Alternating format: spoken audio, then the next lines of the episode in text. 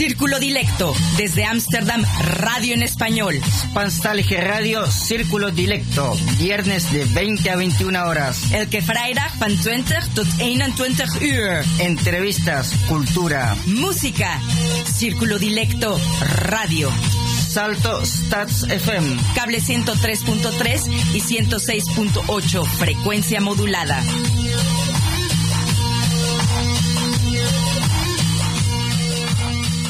Buenas noches, queridos radioescuchas. Soy Alejandra Nettel y les doy la bienvenida en este viernes 24 de enero a su programa semanal Círculo Dilecto. Buenas noches, Rengo y Giorgio.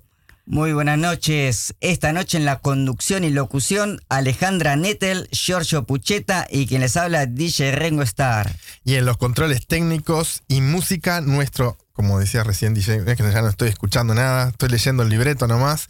Buenas noches, qué frío que hace hoy y este y bueno, buenísimo estar una, una vez más un viernes nuevamente. sí, qué frío, ¿no? Frío, vientito. bueno, es normal, estamos en el invierno. Sí, pero no habíamos tenido tanto frío.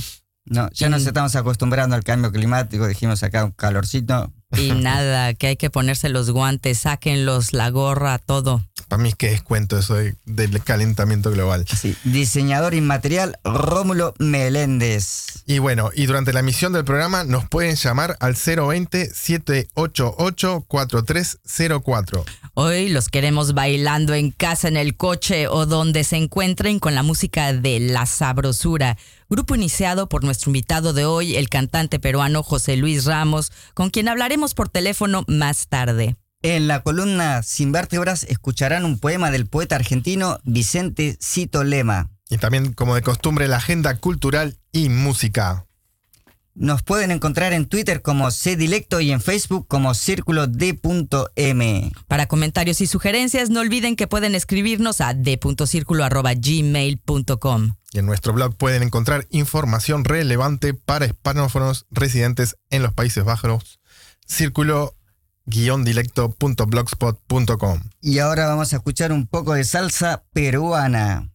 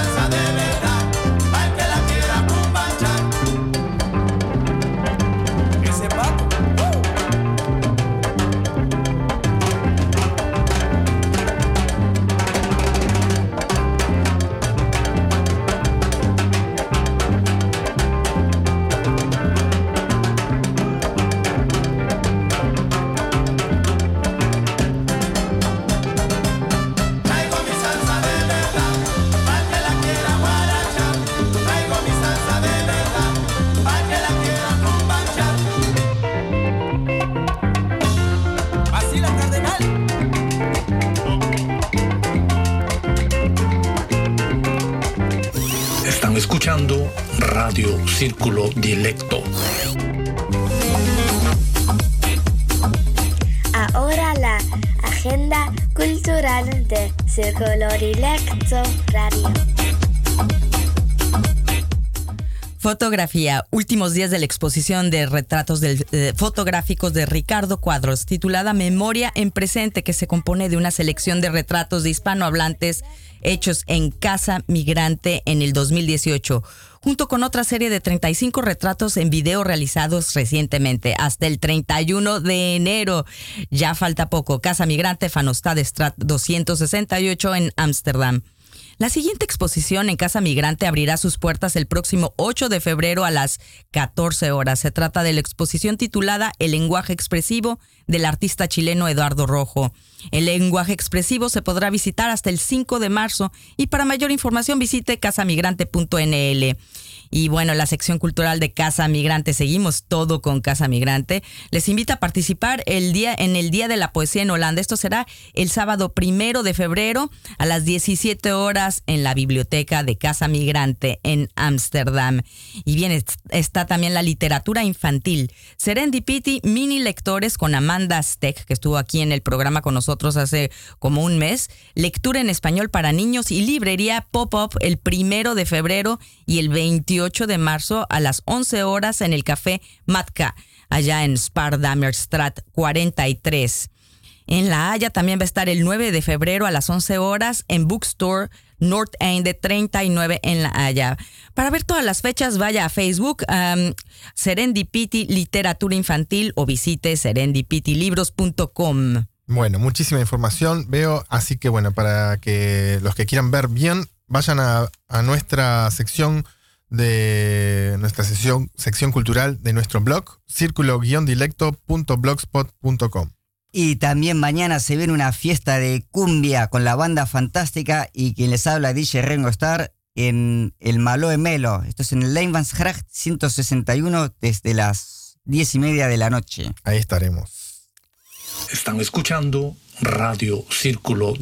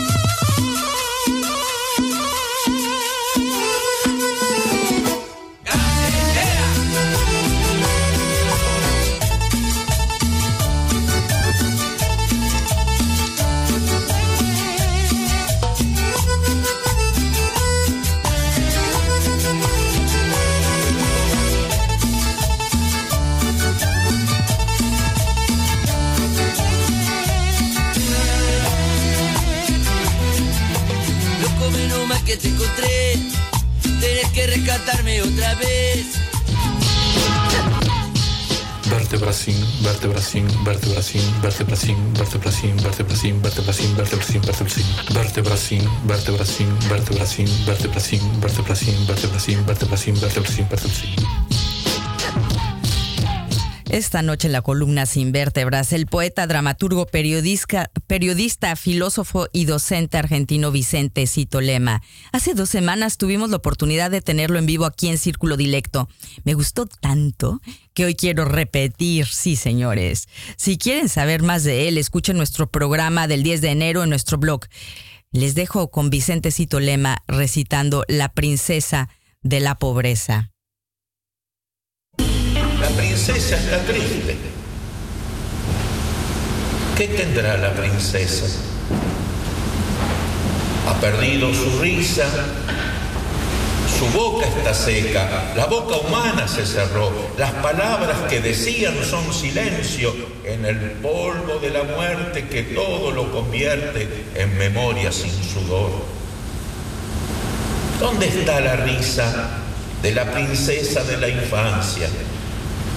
¿Dónde está la infancia de quienes nunca tuvieron princesas de cuentos ni poemas, ni una infancia abierta a la mañana abierta como un río de estrellas en el final de la noche? La princesa está triste. La niña de la pobreza que se come sus dedos está triste. Mañana se comerá su mano su brazo, su hígado, su corazón. Mañana se comerá la mañana. ¿Habrá mañana? La princesa está perdida en la niebla de los sueños. La niña de la pobreza está perdida y olvidada y vejada en la oscura luz de la pobreza. La pobreza de los sueños, la pobreza de la realidad sin sueño, la pobreza de la vida que se vive en la muerte. Allí están los cielos, opacos, opacos. Aquí está la tierra. ¿Han visto la tierra con ojos de tierra? La tierra está triste. ¿Qué tendrá la tierra? La tierra está pobre. ¿Quién trajo la pobreza? ¿Dónde está la riqueza que hizo la pobreza, que fue de los sueños de la princesa? ¿Dónde está enterrada la niña de la pobreza? ¿En la tierra sin cielos? ¿En la tierra sin tierra? ¿Quién? ¿Dónde? ¿Cómo? ¿Por qué se entierra la tierra? ¿No habrá una pasión de alegría para la triste princesa? ¿No habrá labios de amor? Para la niña de la pobreza, alguien le dirá a la muerte que si la tierra se muere, ni siquiera habrá muerte.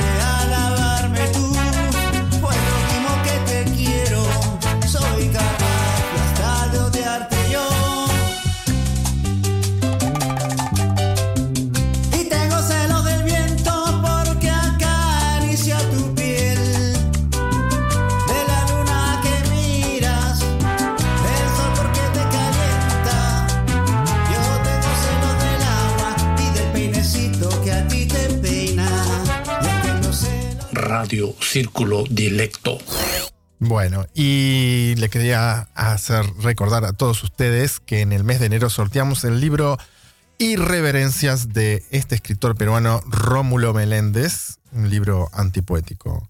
Y bueno, y lo único que deben hacer es escribirnos a nuestro email de punto gmail.com antes del 30 de enero.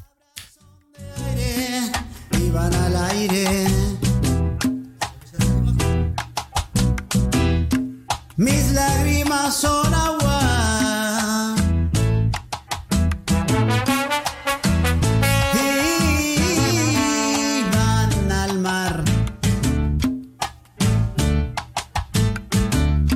Cuando un amor se muere,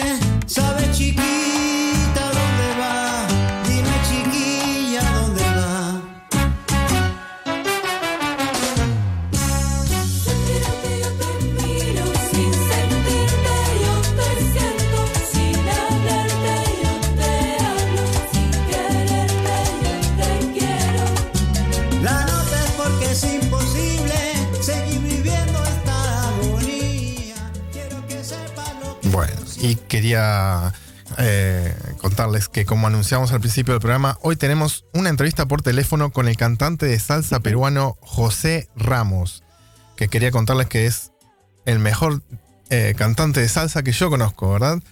Este, y bueno, ¿cómo estás José Luis? Así te recibo hoy. Bienvenidos a Círculo Dilecto.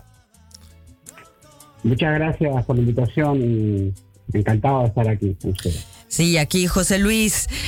José Luis Ramos reside en Países Bajos desde el 2001 y, con mucho, y como muchos migrantes quedó impactado con el nuevo país, con su clima duro y frío, así como la diferencia cultural y social que experimentó. Desde pequeño se presentaba en el colegio cantando o actuando. Formó parte de la banda musical del colegio tocando la trompeta durante cinco años. Durante mucho tiempo participó como cantante en grupos de salsa y rock. Fue hasta el 2015 que decide formar su propio grupo, La Sabrosura, de la que nos viene a hablar hoy. Bienvenido a Círculo Dilecto y gracias por aceptar mi invitación, José Luis. Me ha encantado y más bien agradecido eternamente a ustedes por, por poder eh, invitarme, por invitarnos a su programa. Yo encantado de estar aquí. José Luis, vein- eh, 2001 marca tu comienzo en Países Bajos. ¿Qué te trae a estas tierras? Ay, como creo que como muchas personas, el amor. Bueno, llegué enamorado, enamoradísimo de una mujer. Y bueno, fue una relación muy bonita con todos los ingredientes, con todos esos ingredientes que hacen que uno, que uno quede marcado para siempre. Y bueno, esa fue la razón por la cual llegué aquí a Holanda. Aparte de todo, bueno, estoy siempre contento de estar aquí. Y dime, para cada mi- inmigrante la llegada es diferente y nos atraen y nos chocan diferentes cosas de la cultura y sociedad. ¿Qué te sorprendió y qué te chocó a tu llegada, José Luis? Mira, creo que eh, yo creo que cada latino, ca- cada inmigrante tiene su propia experiencia y más aún los latinoamericanos, bueno, también mm, nos va a llegar, nos, nos vamos a tener una impresión muy grande de este país. Para mí, para mí el llegar aquí fue como llegar no a un nuevo mundo, ¿sabes? Pero acaso sí a un nuevo nivel humano, ¿no? porque empecé empecé a desaprender cosas que me habían enseñado antes en la escuela, en la casa, en mi propio país. Y lo más importante que, eh, que me sorprendió y que me chocó, por decirlo así, es a descubrir valores que pensé que no, no, no los tenía. ¿Como cuáles, por ejemplo? Eh, sí, pero como digo, o sea, fue- por ejemplo, eh, que por ejemplo aprendí que cuando porque llegué solo aquí y cuando tenía que tenía que tenía un amigo no tenía amigos o sea, y los amigos no te los ganabas aquí así nomás como en, como en mi país entonces aprendí a, a, a valorar la amistad pero en un sentido más más profundo porque porque nadie me- cuando yo estaba en Perú pues crecía de pequeñitos con mis amigos del barrio, con los compañeros del colegio, y era muy fácil, ¿no? O sea, decir amigos, amigos aquí en Perú, pero aquí ya en Holanda es muy difícil decir que una, una persona es amigo, porque porque realmente uno, uno, uno a mí, mí, me- te cuento, solamente mi experiencia, ¿eh? eh, aprendí que, por ejemplo, nadie estaba obligado de ayudarme, o nadie estaba obligado de, de escucharme o de atenderme.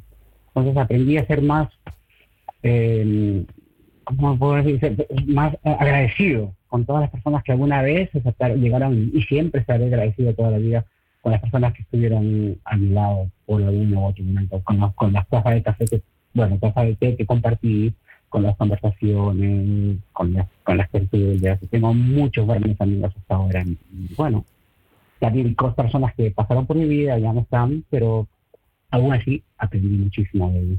Pero hay algo que sí, eh, hay en esta cultura y en esta, eh, algo que aprendí muchísimo, pero en la- hablando de sociedad, eh, también hay cosas que me, que me impactaron muchísimo. Por ejemplo, bueno, ya saben, ustedes ya saben que soy peruano, y para mí el almuerzo es algo sagrado. Creo que para todo peruano el almuerzo y la buena comida es algo muy sagrado, o sea, que eso no lo puedes sacar de tu vida así por así.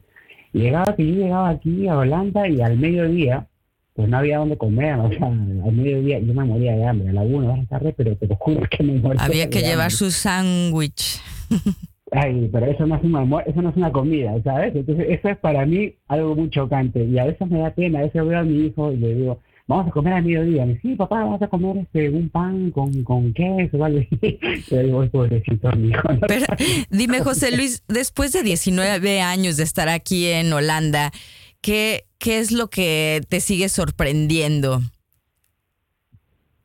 Mm, me sigue sorprendiendo.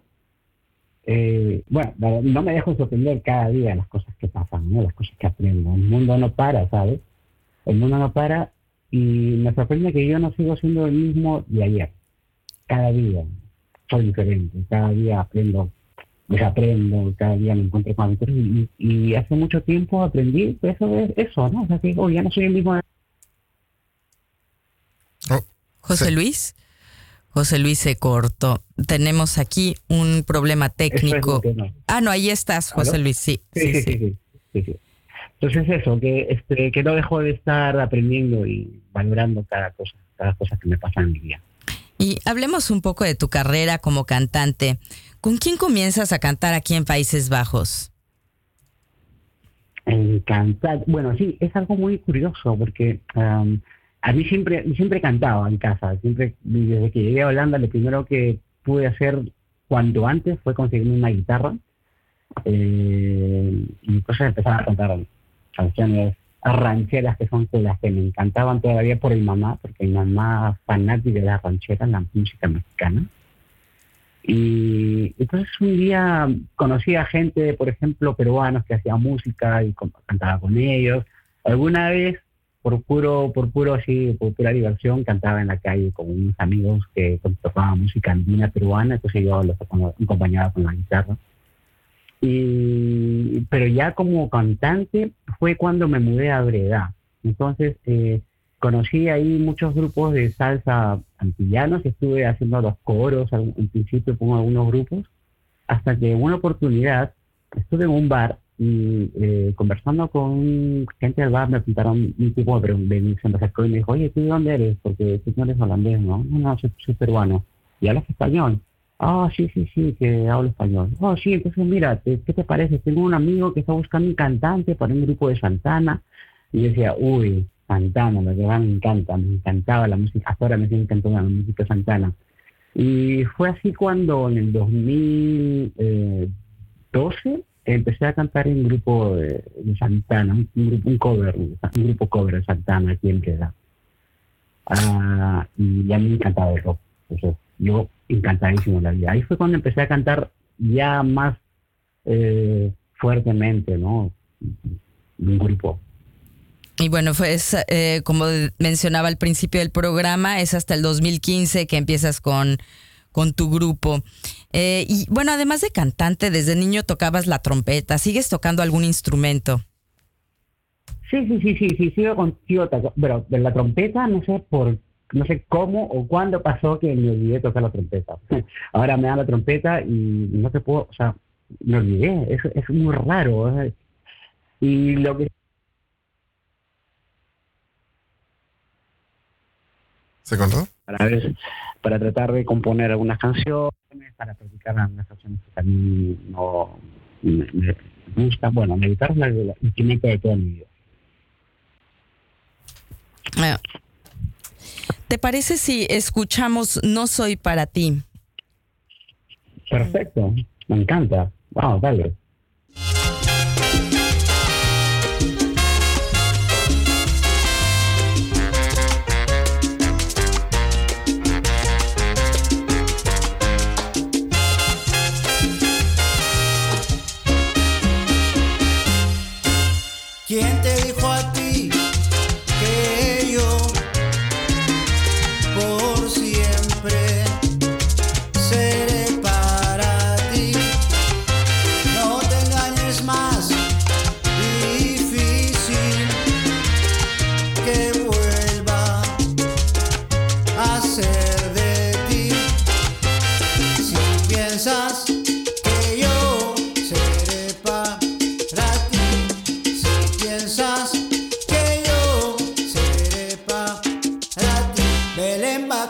Va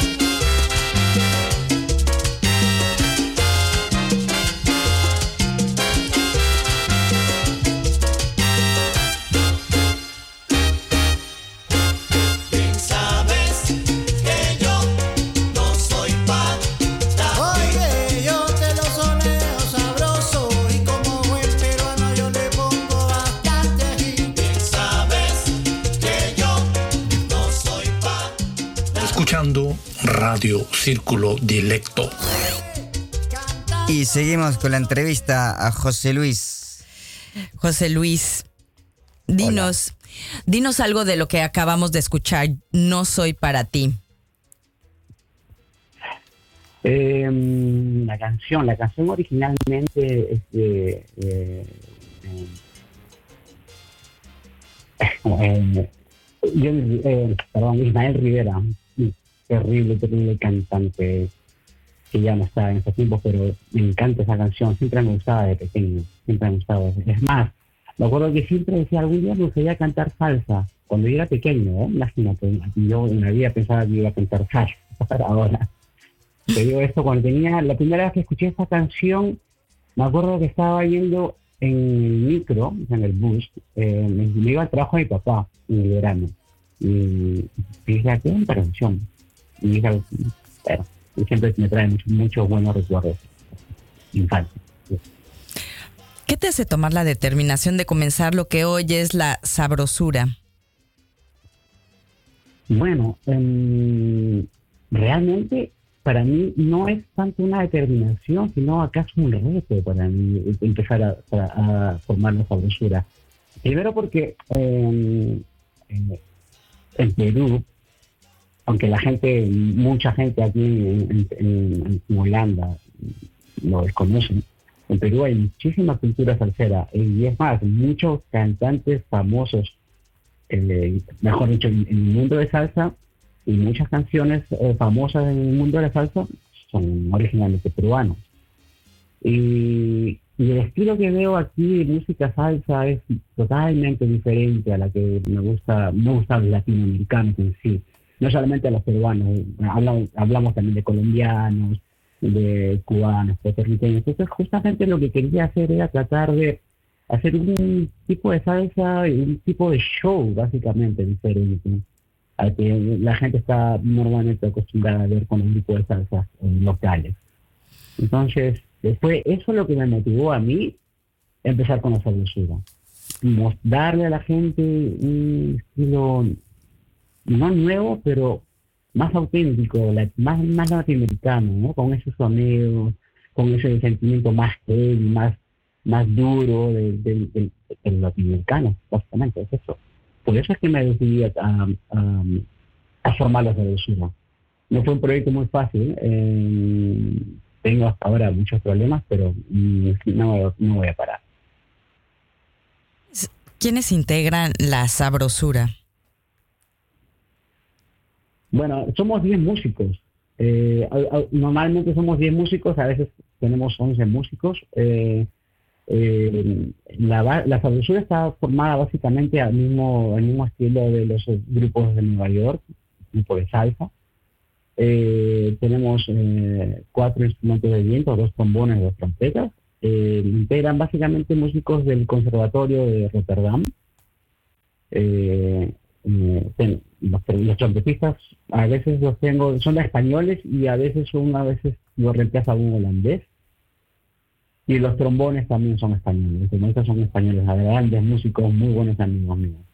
En la parte rítmica, en el piano, tenía un mexicano muy gran amigo mío, pero se nos fue porque estuvo que regresar a México y un saludo a ti si algún día me estuvo estar escuchando el señor Daniel Bladillo de México. Un abrazo a mi hermano. Y ahora nos acompaña un antillano, un señor también muy bueno piano.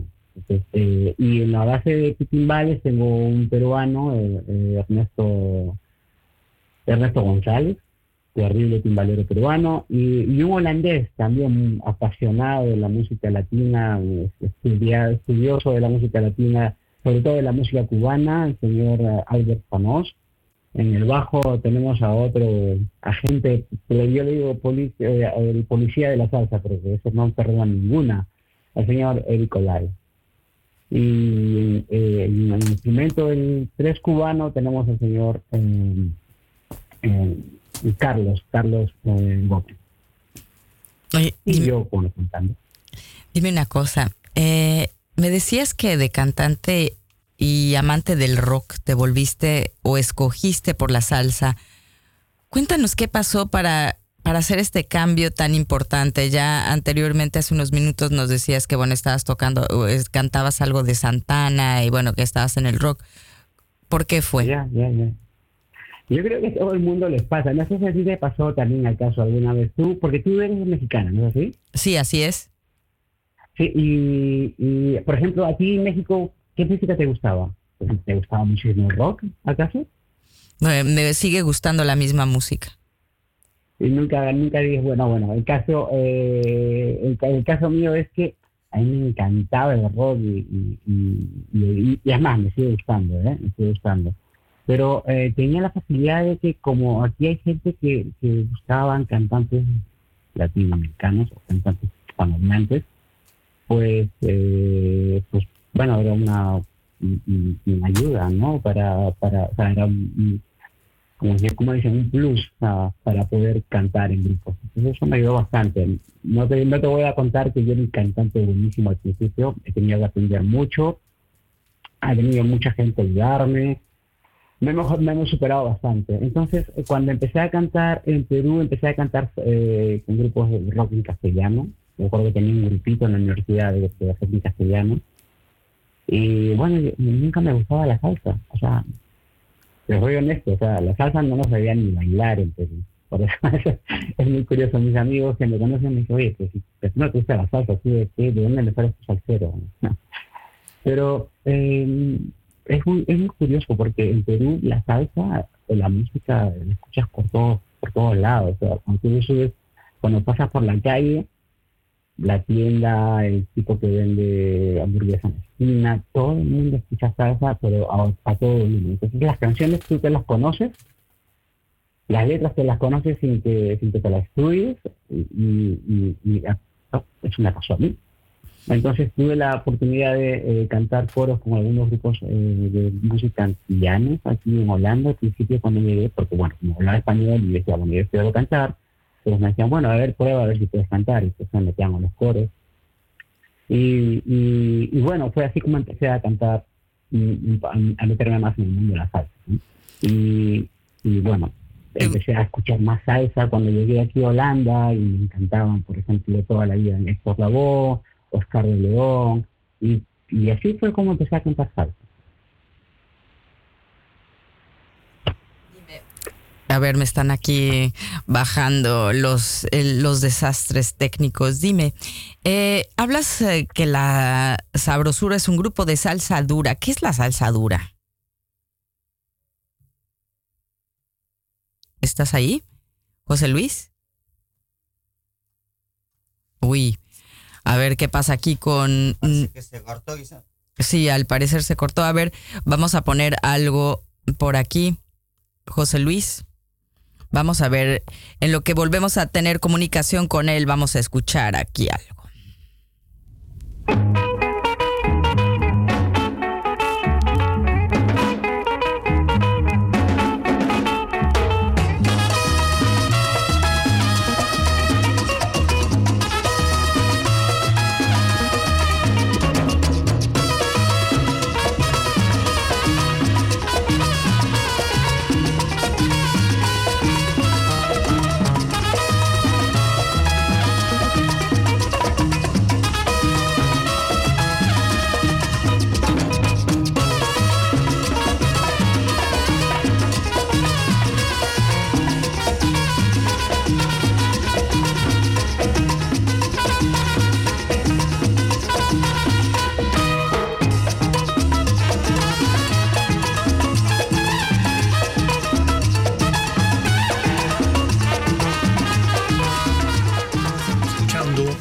Radio Círculo Dilecto. Bien, eh, José Luis, te nos fuiste, pero ya estás aquí. Eh, nos hablas que la sabrosura es un grupo de salsa dura. ¿Qué es la salsa dura? Bueno, la salsa dura eh, es un término es un término usado básicamente en Latinoamérica. Aquí en Holanda no mucha gente cree que sabe lo que es salsa dura, pero la salsa dura es un es un es una salsa que viene que, que viene del pueblo, una salsa, por ejemplo, que, que te cuenta las anécdotas más duras de la vida, que son pues esas salsas como que cortavenas, ¿no? Que son salsas que, que te mandan un mensaje muy muy duro contra la sociedad, contra el sistema o contra la contra el dolor humano. Entonces, eso es lo que es salsa, lo que es básicamente salsa dura. ¿Se podría decir como una salsa callejera? Bueno, eh, define callejero, digamos que más de barrio, ¿entiendes? Más así, más de barrio, más así, más de... Bueno, vamos a ver, para mucha, no es, no es, no es una novedad que la salsa era en principio una música mm, de, de, los, de los barrios bajos, ¿no? De los un mundo, ¿no? De delincuentes en, en- en Nueva York. Es donde básicamente empezó este tipo de género, ¿no? La salsa dura. Y dinos, eh, José Luis, pasando de la salsa dura a tu público, ¿quién es tu público aquí en Países Bajos? Eh, generalmente son la gente que, que los amantes de la salsa dura, los amantes de la salsa más eh, auténtica, origi- original, no auténtica, ¿no? Auténtica no es una palabra que debería usar aquí, pero más, del- estilo de la salsa que la que se originó en Nueva York, ¿no? La que, es más, los latinoamericanos también les gusta este tipo de salsa. Cada vez que, por ejemplo, nos presento por ahí, aparece una persona que del, del fondo y se acerca bailando, es una latina o un latino, ay, qué rico, por fin puedo bailar la salsa que me gusta y los veo bailando solos, con un solo pie de manos y se empiezan a tomar y se empiezan a emborrachar y se acuerdan de su país, se empiezan a, llamar a su mamá o a su hermano aquí, entonces ese tipo de salsa es la que, la ese tipo de público es la que, la que le gusta este tipo de música que, que- que nosotros presentamos. Y vives eh, ahora en Breda, al sur del país. ¿Cómo es la movida salsera en el sur? ¿Hay mucho o hay más acá en Ámsterdam? Mm, es muy variado el mundo salsero en Ámsterdam y en el, sur del país. Por ejemplo, pues, aquí en Breda tenemos, eh, por estar muy cerca de Bélgica, pues hay mucha influencia de mucho tipo de, de- de culturas y géneros.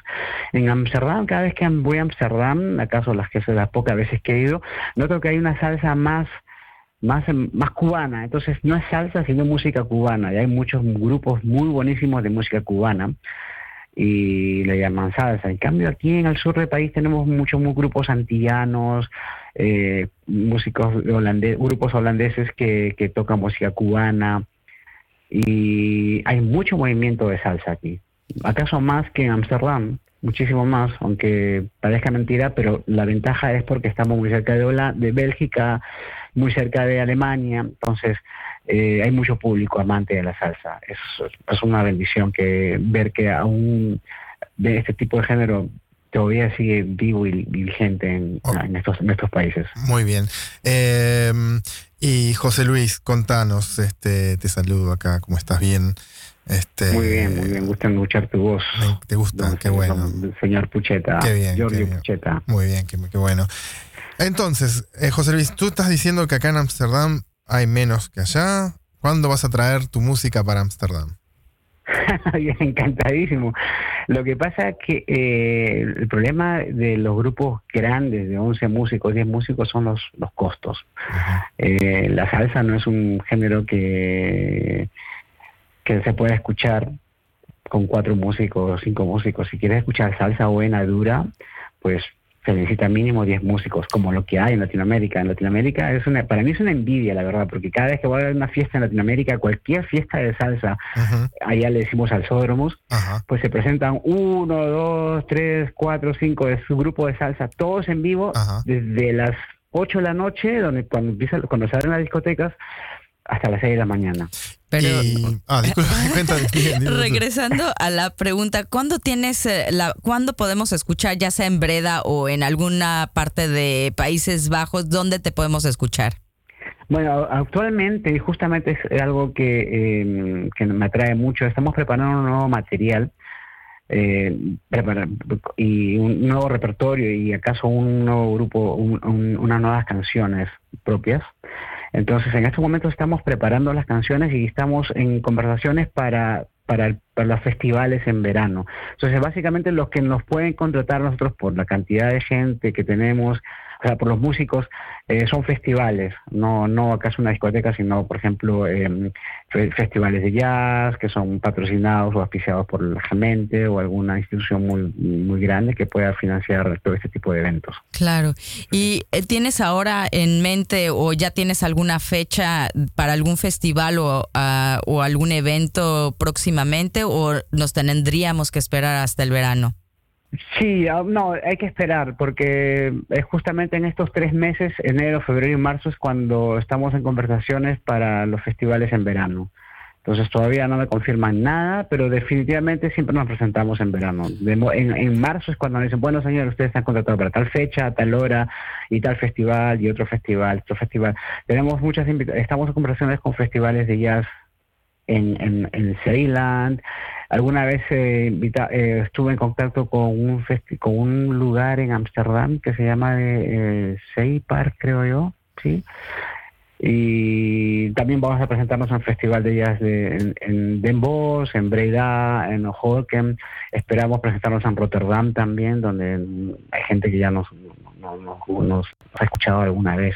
Entonces, hasta ahora no he podido tocar en Ámsterdam. Es mi sueño algún día tocar en Ámsterdam para estar con mis amigos. Alguna vez les prometo, oye, tengo que ir a Ámsterdam. Sí, sí, tienes que venir, pero bueno, ya. Pues, Por pues mí, bueno, encantado. eh, vamos a tratar de traerte acá a Ámsterdam, este, porque por acá el, tenemos a Muchas fanáticas, Sí, muchas visto. fanáticas de la salsa. El DJ Rengo estará ahí con sus co- contactos de del underground de Ámsterdam. A lo mejor lo logramos aquí a traer la sabrosura. Y, y, y tío Alejandra, ¿y a ti cómo te va con la salsa? No, pues a mí me va muy bien bailándola nada más, pero yo no. pero de eso de cantar, pero ni en la regadera canto salsa.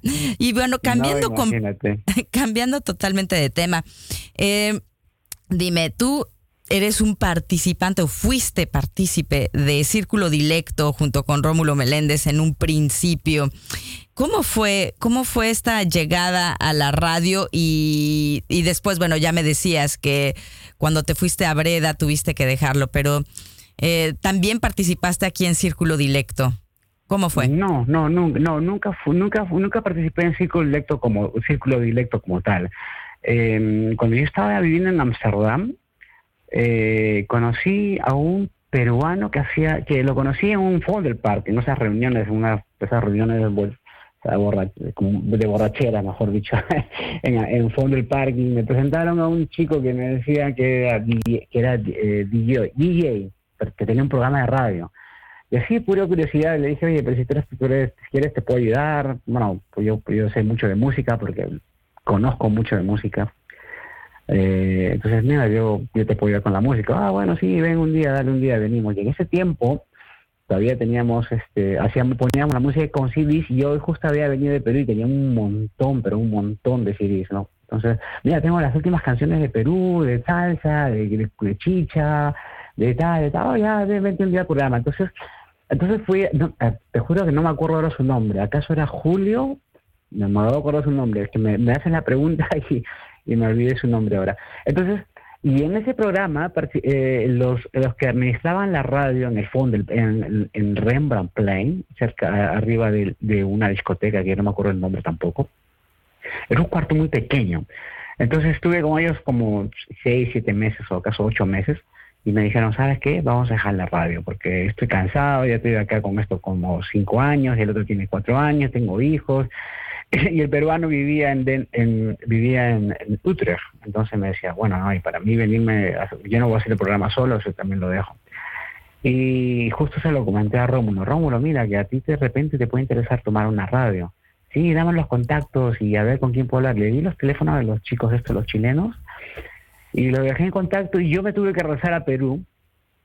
Y después cuando eh, estuve en Perú un año, un año y medio, después regresé y me fui a Holanda, me fui a Breda. Y ya después, para, cuando retomé contacto con Rómulo, me comentó que ya tenía la radio. Entonces para mí fue un agrado, mucho un gusto saber que Rómulo pudiera tener una radio. Y la radio nunca se perdió porque si dejaban a estos chicos la radio, pues ya no había, ya no, nunca iba a haber un programa latino en Amsterdam. Pues bueno, así está en lo- el principio de Círculo Dilecto. Qué gusto Así tener esa, eh, esta conversación y vámonos ahora con algo tuyo y eh, regresamos, José Luis.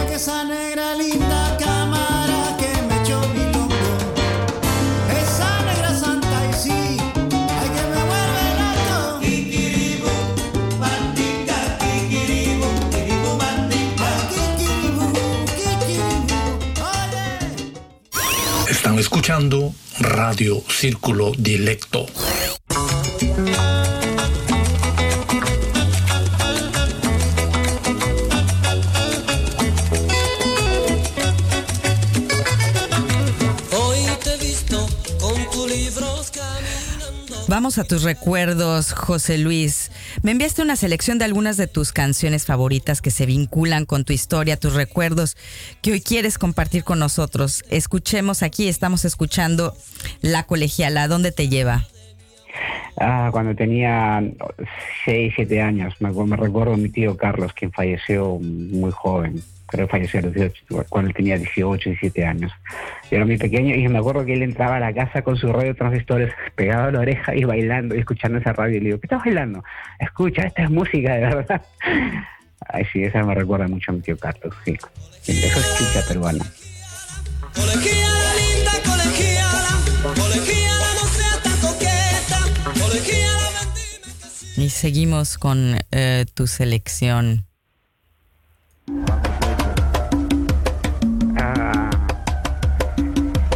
Pedro Navaja. Así es. Por la esquina del viejo barrio lo vi pasar. ¿A dónde te lleva este Esta clásico? música me lleva a mi barrio. Cuando eh, escuchábamos, yo tenía creo 10, 11 años cuando recién ap- apareció esta canción eh, con Rubén Blades y tenía un vecino que era el salsero del barrio, el gordo Luis, que ya falleció, un negrazo muy, muy grande, pero pero hasta, los tuétanos. Y, y su papá le, su papá trajo ese LP de, de, eh, de, mm, Rubén Blades y lo tocábamos una y otra vez y eso me recuerda mucho cuando cuando por fin creo que acaso fue él quien me metió la salsa en, en las venas ¿no? el gordo Luis Salcero eso me recuerda mucho al, al- al gordo Luis Una cera entera por quinta vez. Y en un zaguán entra y se da un trago para olvidar. Y aquí la última. Ay. Todo tiene su final. Nada dura para siempre. Tenemos que recordar. Yeah. Sí. Héctor Lavoe. Tú eres gran admirador de Héctor Lavoe. Es mi ídolo, mi ídolo, Héctor Lavoe es mi ídolo. Y esa canción tiene mucho que ver con, con mi vida. Sí, sí, sí. Es, es para muchos también creer lo mismo, ¿no? Y es una, un poema mucho de la vida, en la que todo tiene su final, nada dura para siempre. Es como es la vida. Hay que aprovechar y, y aprender de lo que te da la vida y valorar lo que te cae en la vida. sí. Todo tiene su final.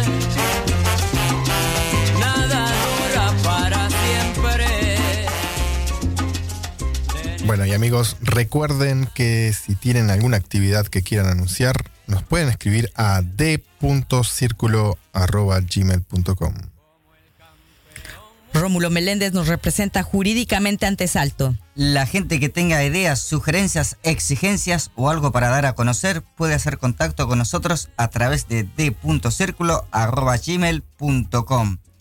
Y ha llegado la hora de despedirnos. Muchas gracias a José Luis eh, Ramos de La Sabrosura por compartir desde Breda su música y experiencias.